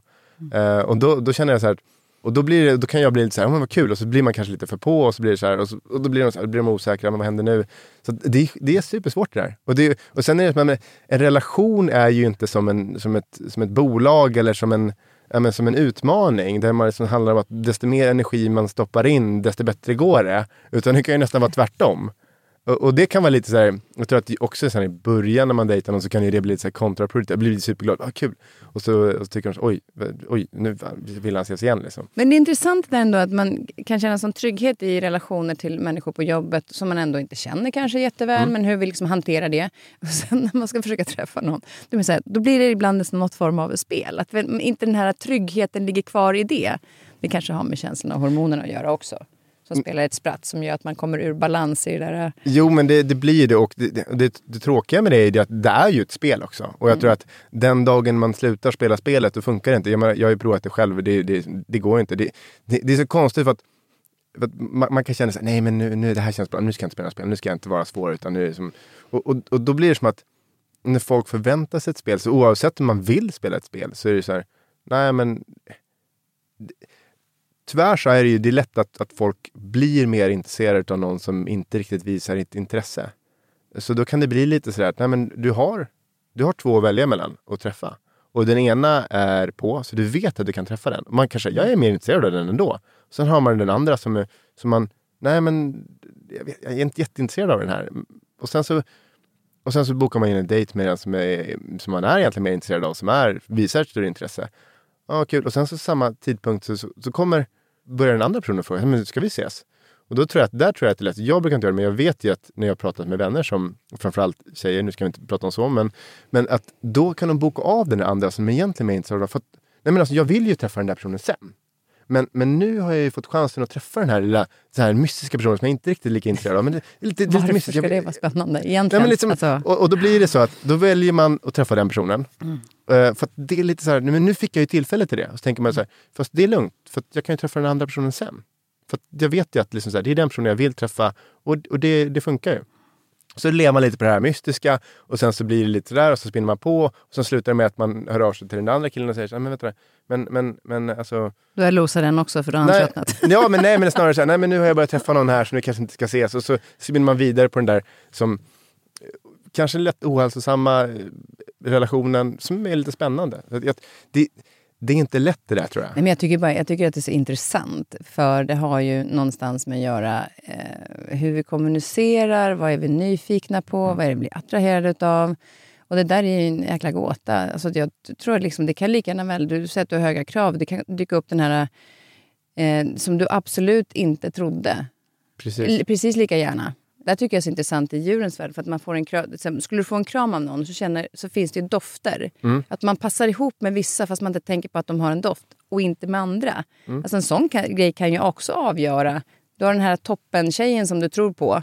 Som bara, det henne vill jag ha. Men det här, liksom, den delen lirar inte egentligen. Så dyker det upp någon från ett helt annat håll. Som har det här som djuren har, att man känner in doften och tryggheten på något annat sätt. Äh, det, är, det är sjukt spännande. Ja, det är väldigt spännande. Jag, Men, men eh, ni som, ja, det, det här är ju på toppen. Nu är det många som vet att du är singel Ja, och eh, sommaren är jag, tar, här. jag tar ett glas vatten här och Men, det blir jobbigt. eh, men jag ska bara kolla, du, du har ju också eh, ett, rädsla, att du kan vara rädd ibland. Absolut. Ja, när, när är du som mest rädd? Jag vet inte. Nej. Det vet jag, vet i alla fall att du inte gillar hajar. Jo, exakt. Ja, men det, det, fast, fast det är inte riktigt sant. Eh, jag, menar, jag var i Maldiverna och dök med tigerhaj utan bur i somras. Ja, jag dök i, för några veckor sedan tog jag mitt dykcert. Kul. kul. Ja. Så, att, alltså jag, så att jag är också fascinerad av hajar. Eh, men jag tror att det Erik reflekterade över var när, när jag hoppade i vattnet där i, eh, eh, på Atlanten och, och blev så ah, nu kommer det hajar. Lite sådär. Så att, absolut. Så Ja. att, så är det. Men jag, jag skulle nog säga att jag hade nog faktiskt det med det då. Nu Mm. idag så är jag nog mer fascinerad över det. Eh, som sagt, vi var ju, jag var i Maldiverna nu och dök med tigerhaj och det tyckte jag bara var, det var utan bur och det var ju, det är ju superhäftigt. Det kan jag verkligen rekommendera. Det är helt, helt Jag magiskt. v- var ju, tog ju dykcerter på Maldiverna eh, och eh, jag tycker bara när, när han visar liksom tecknet för haj. Mm. Jag är inte rädd, men det blir då där, dun, dun, dun, dun, dun, när man ser det där tecknet. Eh, men otroligt mäktigt. Det är väldigt liksom. mäktigt. Eh, sen är naturlivet att få uppleva det på en sån plats på, eh, på jordklotet är ju fantastiskt i sig. Men, eh, men respekt kan jag ju säga. Ja, men, och det har jag absolut, Ja. och det ska man ha. Mm. Eh, men jag tror att hajen är väldigt, väldigt missförstådd. Eh, och det är likadant hajar är också individ, individer. Ja. Men eh, så att den är nog väldigt missförstådd med tanke på alla filmer som kringar om Mm. den. Så det, det- jag tror att eh, de är fascinerande. Var det någon gång på Atlantis som du var riktigt, riktigt Ja, rädd? Absolut. Alltså, Hur verkligen. hanterar du rädslan då? Ja, men, ja, hur jobbar man med det? Hur jobbade jag med det? Jag försökte nog eh, acceptera den skulle jag säga.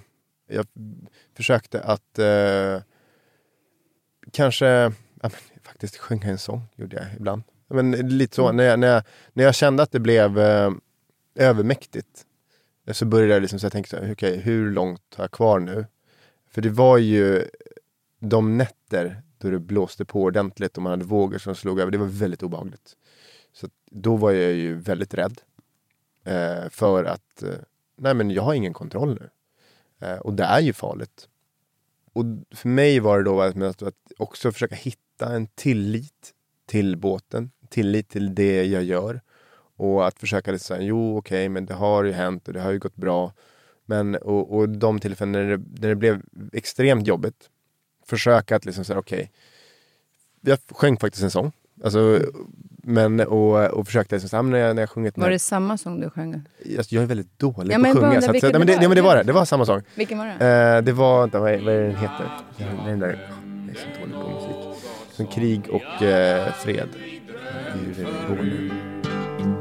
Jag drömde det var fred på jord och alla krig var slut.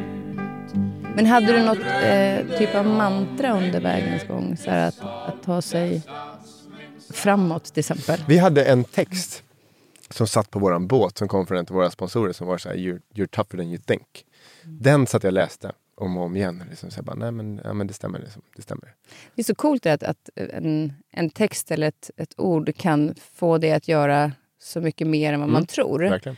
Jag sprang maraton i New York och det, jag ska säga att jag brukar aldrig springa förut. Jag tyckte det var jättetråkigt att springa men så bestämde jag mig för att tycka om löpning och så sprang jag New York maraton. Och då hade eh, min kompis som tränade mig, vi sprang tillsammans, hon, eh, vi hade lätt och stark Mm. som mantra hela tiden. Och jag sprang och tänkte lätt och stark och sen hela vägen till mål. Och, sen, och jag kände mig lätt och stark. Och sen fick jag bilderna från, från när de har fotat liksom så här, automatiskt från New York Marathon så kommer det bilder. Och jag bara letar, så här, vart fasiken är jag någonstans på den här bilden? Och sen bara, va? Är det där jag? Alltså man ser inte ens att jag liksom lyfter på fötterna ovanför marken. Jag hänger med överkroppen. Men i huvudet var jag helt övertygad om att jag var lätt och stark. Det, alltså, och det är ju viktigare än någonting annat. Ja, men det är så fascinerande för att bilden av mig var inte den bilden jag såg på datorn. För jag, men det är så coolt att man kan ha ett sånt mantra som får en att göra så mycket mer än vad man tror att man klarar av. Ja, men verkligen. Vad, vad, men hur gick det då? Ja, men det gick bra. Hon, det var rätt kul för att hon hade... Eh, jag hade tre mål. Jag hade satt upp... Eller, det var att ehm, inte skada mig på grund av att jag hade tränat för dåligt. Att uppleva New York och se mig omkring under resans gång. Och att inte ha en enda negativ tanke. Så jag hade inget tidsmål, för jag hade sprungit. Men Ja. hon hade det. Hon hade bestämt sig för 4.20. Alltså det blir sex per... Och sen när vi kommer eh, eh, in i Central Park, och precis som du pratar om det här med att, nu är inte, det är lite en annan utmaning, men att man inser att jag kommer klara av det. Jag som bara orkar springa 10 minuter liksom, när jag var typ 25 och jag hatar att springa då. Har snart sprungit 4,2. Och så kommer mina barn, de stod vid målgången. häftigt. och så då knöt sig i halsen, jag bara fick kramp. Och sen började jag tänka på någonting annat. Men då kom jag mål och då sprang jag fram till dem och kramade och så sprang vi över mållinjen. Och då sprang vi på 4.21. Så att vi diffade på en minut. Och så hade du inte stannat med dem. Men det var värt det. Då hade vi fasiken gått i mål på 4.20. Så att jag, jo, men jag, är, åh, jag är sjukt nöjd. Men det var också det att jag tror att för mig var det bra att inte ha en tid. För jag, ville, jag sprang för att uppleva maraton och komma i mål. Och det tror jag är mycket, mycket sundare. Framförallt om man åker dit och ska göra det för, som för det. Då, är det, då kommer du ha en mycket roligare resa. Det, och då är ju det är fortfarande gjort. Och jag menar, i, min, I mina böcker skulle jag säga att men du har sprungit maran under 4.20. För det viktiga är inte vad står i sluttiden. Du vet ju att du har gjort det. Ja. Och sen nu fick du liksom du gjorde det och du fick eh, krama om dina barn. Alltså, det är det roligaste jag gjort tror jag. Alltså, så här, rent, rent Vasaloppet har också varit kul. Men eftersom jag verkligen trodde att det skulle vara så tråkigt att springa så var det helt eh, galet härligt. Och jag nådde mina tre mål. Det var det viktigaste. Men det där är faktiskt roligt, för jag upplever det när jag sprungit Lidingöloppet. Att man, att man, man kan, när man får in publiken och man så ser det saker. Det, alltså det, är sånt, det är sånt lyft. Ja, Det är så adrenalin. Det är helt, Man eh, får sån eh, boost av det. Ja men verkligen. Det var ett tag faktiskt, ska jag villigt erkänna. Där jag, liksom, för jag ville springa lite grann för att förstå hur idrott, idrottare är när de liksom går in på isen i hockeyfinal och bruten tumme och så kör de ändå. Typ. Vad är det som händer i huvudet när man känner att jag pallar inte mer men jag gör ändå? Och då vet jag när man kommer in i Central Park, jag upplevde att Central Park är inte speciellt backigt men det är det verkligen när man har sprungit fyra mil. Och då var jag lite grann i min bubbla innan jag kom till att jag fattade att jag kommer klara det. Där folk säger heja Sverige. Och jag bara håll käften. Du. Jag bara prata inte med mig. Jag fokuserar på att ta mig framåt. Och då tror jag att jag var i den här, för mig, där jag var, mina förutsättningar i den här grejen att hur ska jag hitta mitt tankesätt för att ta mig sista biten? Och då vill jag vara i fred med de tankarna. Och då när folk stod bara heja Sverige. Jag bara shut the fuck up. Låt mig bara få ta mig framåt. Det var väldigt, väldigt roligt. Men du, eh, en liten en härlig grej som man då kan lägga till då, det är ju att du är en jäkel på tomater. Någon som är här? Du odlar tomater. Ja. Vad är det för, för tomater? Är det hemma på balkongen eller vad? Eh, ja, precis. Vad, vad kommer det intresset? Jag tycker det var så otroligt härligt. Ja, men det kommer garanterat från mina föräldrar. Att, eh, vi odlade alltid tomater i villan när jag växte upp. Och eh, odlade tomater på, på landstället på Öland. Att, eh, men det är så härligt för det, det, det ger tillbaka så mycket. Och så enkelt på något sätt. Att, det, ja, men, eh, att du kan gå ut där på morgonen och, och ta dina egna tomater. Och, eh, och du har ju tomater, mm, när du väl börjar få tomater, då är det mer tomater du kan äta. Och det, det på något sätt, det ger tillbaka på något härligt sätt. Att du tar hand om tomaterna och sen så får du någonting tillbaka. Men säger också att, eh, jag vet inte om det är just det, den grejen, men, men Anders Hansen, när jag ringde honom eh, när jag skrev en bok, så frågade jag honom när, alltså vi, hjärnan vilar ju inte, alltså den är ju igång, men när vi, vad kan man göra för att få den att inte vara så aktiv? Mm. Och då sa han att eh, eftersom den aldrig kan vila själv så är det viktigt att göra någonting som du kan och vet hur man gör. Mm. Men du ser också en förändring. Så att du behöver inte tänka på hur du gör saker. Men du ser också typ städa, Mm. det blir fint. Diska, det blir rent. För du tänker inte på att nu ska jag skapa så här, nu ska jag göra så. Utan då är och du är i rörelse. Och också när man då håller på med att plantera och sånt. Att du vet precis vad du ska göra. Men du ser också det vackra som kommer utav det. Mm. Då vilar hjärnan. Ja men det är intressant. Det Eh, är inte vilar Mm. helt, men Nej, den men- lugnar ner sig lite. Ja, nej, men jag förstår. Och det, blir, och det kan väl bli lite meditativt. Ja, men gå ut, vattna tomaterna, kanske liksom plocka bort lite tjuvskott och bara mm, okej, ta någon tomat, äta. Det, det, det är en glädje. Det är en enkel glädje Ja, på tomater är så jävla gott Det är också. så gott. Mm, riktigt bra. Vad härligt. Du, har du några, vi har pratat om dina utmaningar framöver. Det blir Lidingöloppet i år. Eh, Ja, Eh, Det är inga utmaningar för dig, men det kanske är för att också, för du tränar ju mycket varje... Alltså du tränar ju mycket om man tittar veckovis. precis. Men, nej, men, ja, men sen är det klart att Lidingöloppet blir en utmaning. För utmaningen sätter du själv. Så för mig blir det ju en tidsutmaning. Och det är ju en utmaning. Men det är också en livsstil som du har eftersom du kontinuerligt tränar väldigt, väldigt mycket. Mm, absolut. För du är ju uppe i hur många pass i veckan? Ja, men jag försöker ligga mellan 9 och 11. Ja. Och sen ja, så är det klart att det blir mindre eh, än det ibland. Mm. Men, men det jag tänker då, för det är ju, ganska, det är ju extremt mycket för den, mm, ja, om man drar snittet, Mm. eh, så är det ju också att man väljer en livsstil Ja. och att det är någonting du kanske har hållit på med länge så att folk inte tror att det är så där man måste träna för att man ska må bra. Utan det är ju beroende också på vilken livsstil man har. Absolut. Och det, och det är jätteviktigt, Mm. eh, tycker jag. För det, det är inte, det viktigaste är att träna. Mm. Eh, och sen är det inte heller tycker jag, säga, viktigt att om du ska gå ut och springa, du behöver inte göra intervaller, träna. Bara, bara gör det. Och eh, det är inte hälsosamt egentligen att träna nog mer än sex gånger i veckan kanske, i princip. Mm. Jag, jag, jag ska inte gå in i detaljer på, Nej, för det, men- det, men det det är beroende på vad man gör och allting sådär. Men, Mm. men för, för mig är det mer än att, att jag blir glad av det. Jag tycker om att träna och jag har lärt mig hitta tid i det. Hur jag ska göra det för att det ska funka med min vardag. För, för mig är det också viktigt. Jag skulle aldrig, om jag har ett pass och sen så har jag några vänner som säger men fan ska du inte gå ut och äta middag, det här blir superkul. Och då kommer inte jag, nej men jag kan inte jag måste träna. Utan då säger jag, nej men vadå, liksom, jag kan dra ner på ett pass i veckan. Det, det är liksom det viktigaste är ju på något sätt livet, som att det fastnar i att men, träningen är kul, men träningen är glädje, men livet är också glädje och att man liksom inte tummar på det. så att säga. Det är viktigt för mig. Men vad skulle du ge för eh, råd till någon som vill sätta upp mål? Oavsett om det, det kan vara ett stort mål för en själv, men nu pratar jag kanske inte Atlanten-nivån, men alltså beroende på vad man är. Att när man vill göra någonting som man kanske har drömt om men inte liksom har kommit dit än. Vad ska man göra för att kunna sätta upp det målet för att kunna nå dit? Nej men där är det, försöka hitta glädjen i det. Börja med att säga att men, okej, men nu vill jag göra det här, men hitta då varför ska jag göra det här? Så att man, det, det finns väldigt få saker som du skulle kunna fråga mig. Så här, men Stefan, vill du göra det här? Och jag skulle säga att nej, men det vill jag inte. Det, jag tycker det är jättekul att göra nya saker. Men, men om man aldrig fokuserar på varför vill jag göra just det här? Då kommer man bara addera saker på sin lista. Och så helt plötsligt så sitter man där med 20 saker som man försöker göra. Och, och sen så blir det nästan som en slump om vad man gör. För man har inte reflekterat över men varför vill jag göra det här? Vad är det egentligen jag vill göra?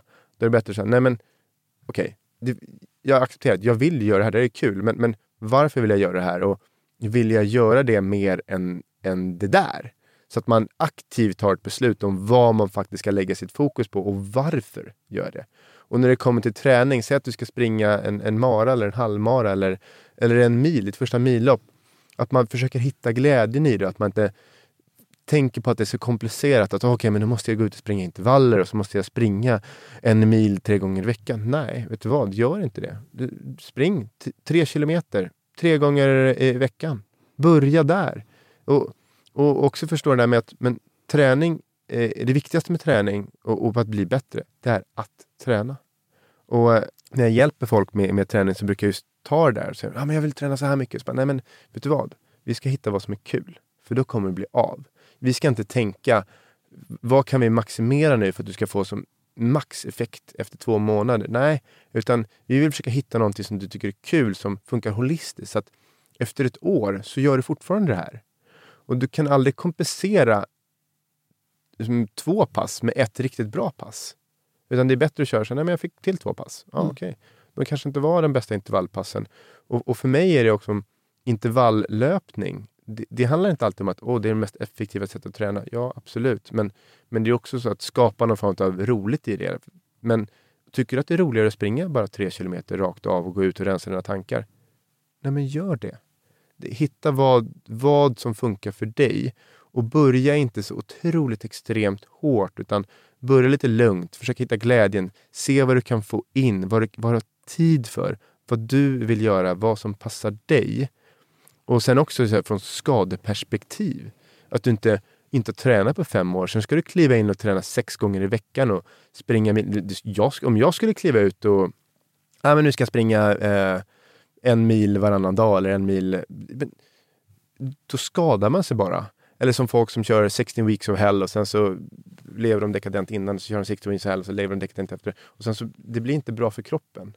Eller att man ska köra såna här löputmaningar man ska springa extremt mycket under, under 48 timmar. Så, ja, då går du därifrån och skadad. Försök att hitta liksom, nej men holistiskt. Tänk på vad som funkar och gör det inte så komplicerat. Ja, just det som jag tycker om att du säger att om man gör det för jobbigt de första gångerna, då vill man ju inte gå och träna. Men om man gör det så att det är behagligt, då är det så Precis. Fasken, det var ju skönt att springa de tre kilometerna. Jag mådde en- superbra efteråt. Jag vill göra det igen. Precis. Att liksom komma in i det på det sättet eh, tycker jag är väldigt härligt sätt att, att få tillbaka. För det handlar inte om att man måste, utan man vill. Alltså det ska ju komma till att man vill göra det. Ja. För att jag mår bra utav det, inte att jag måste. Men då måste jag ställa en fråga till dig här nu. Ja. Eh, utav allting du har gjort, Mm.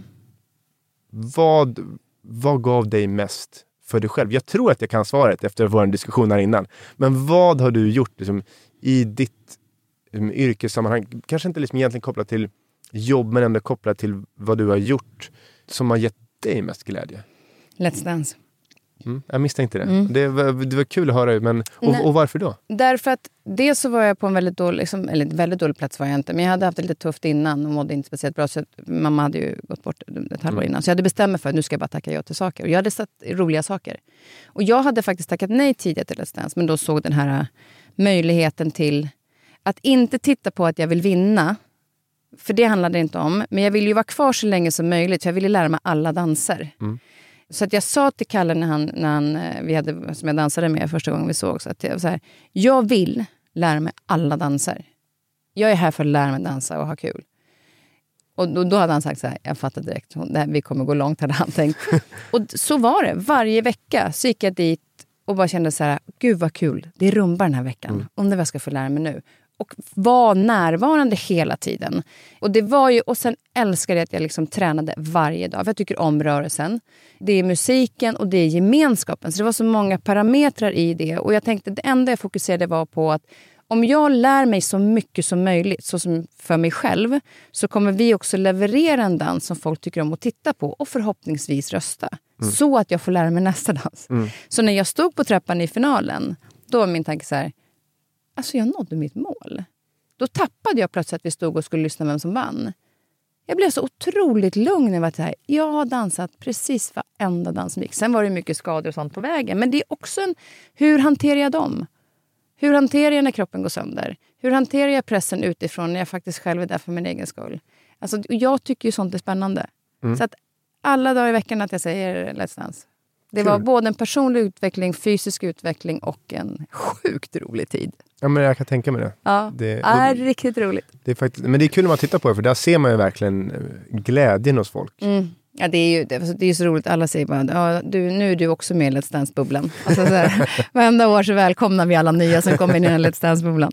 Det är fantastiskt härligt att få prata med dig. Jag vet att nu eh, har er Sports Hour hållit på i en kvart här på Björn Borg där du Ja, jobbar. vi- Det är faktiskt coolt att ni har träning obligatoriskt för alla på, eh, i personalen. Absolut, det, det är jättebra tycker jag också. Mm, det är otroligt. Men du får ta igen det på lunchen eller någonting, för Jag nu har jag lunchen. snott dig här ett tag. Absolut. Men jag skulle vilja avsluta med en, eh, en låt. Mm. Vilken, nu, du säger att du inte kan några låtar. Du skickade fem olika. Eller sex stycken. Det är så roligt. Några som du inte lyssnar på och sen så har du några som du, när du vill bli på gott humör. Ja. Ja, vilken, vilken utav dem ska vi välja då? Eh, Kommer du ihåg dem? ja, men eh, ungefär. Jag tänker Mm. på... eh, mental lullaby då? Ja, tar vi Lullaby, Mike Williams. Stort tack Stefan för att du kom hit. Och ha en jättehärlig sommar nu. Ja, men tack så mycket själv.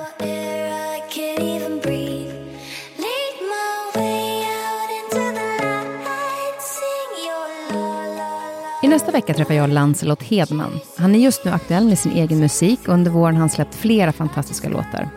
Bakom skapandet av musiken så finns en tuff barndom med missbruk och sorg. Även om han i perioder har hittat sporten thaiboxning så har han haft andra perioder där det varit ett extremt hårt liv. Jag dansade samma år med Lancelot i Let's Dance och såg en varm, fin ung man som också kände som att han höll mycket inom sig. Jag är nyfiken på hur Lancelots bakgrund format honom till den han är idag. Missa inte nästa veckas avsnitt.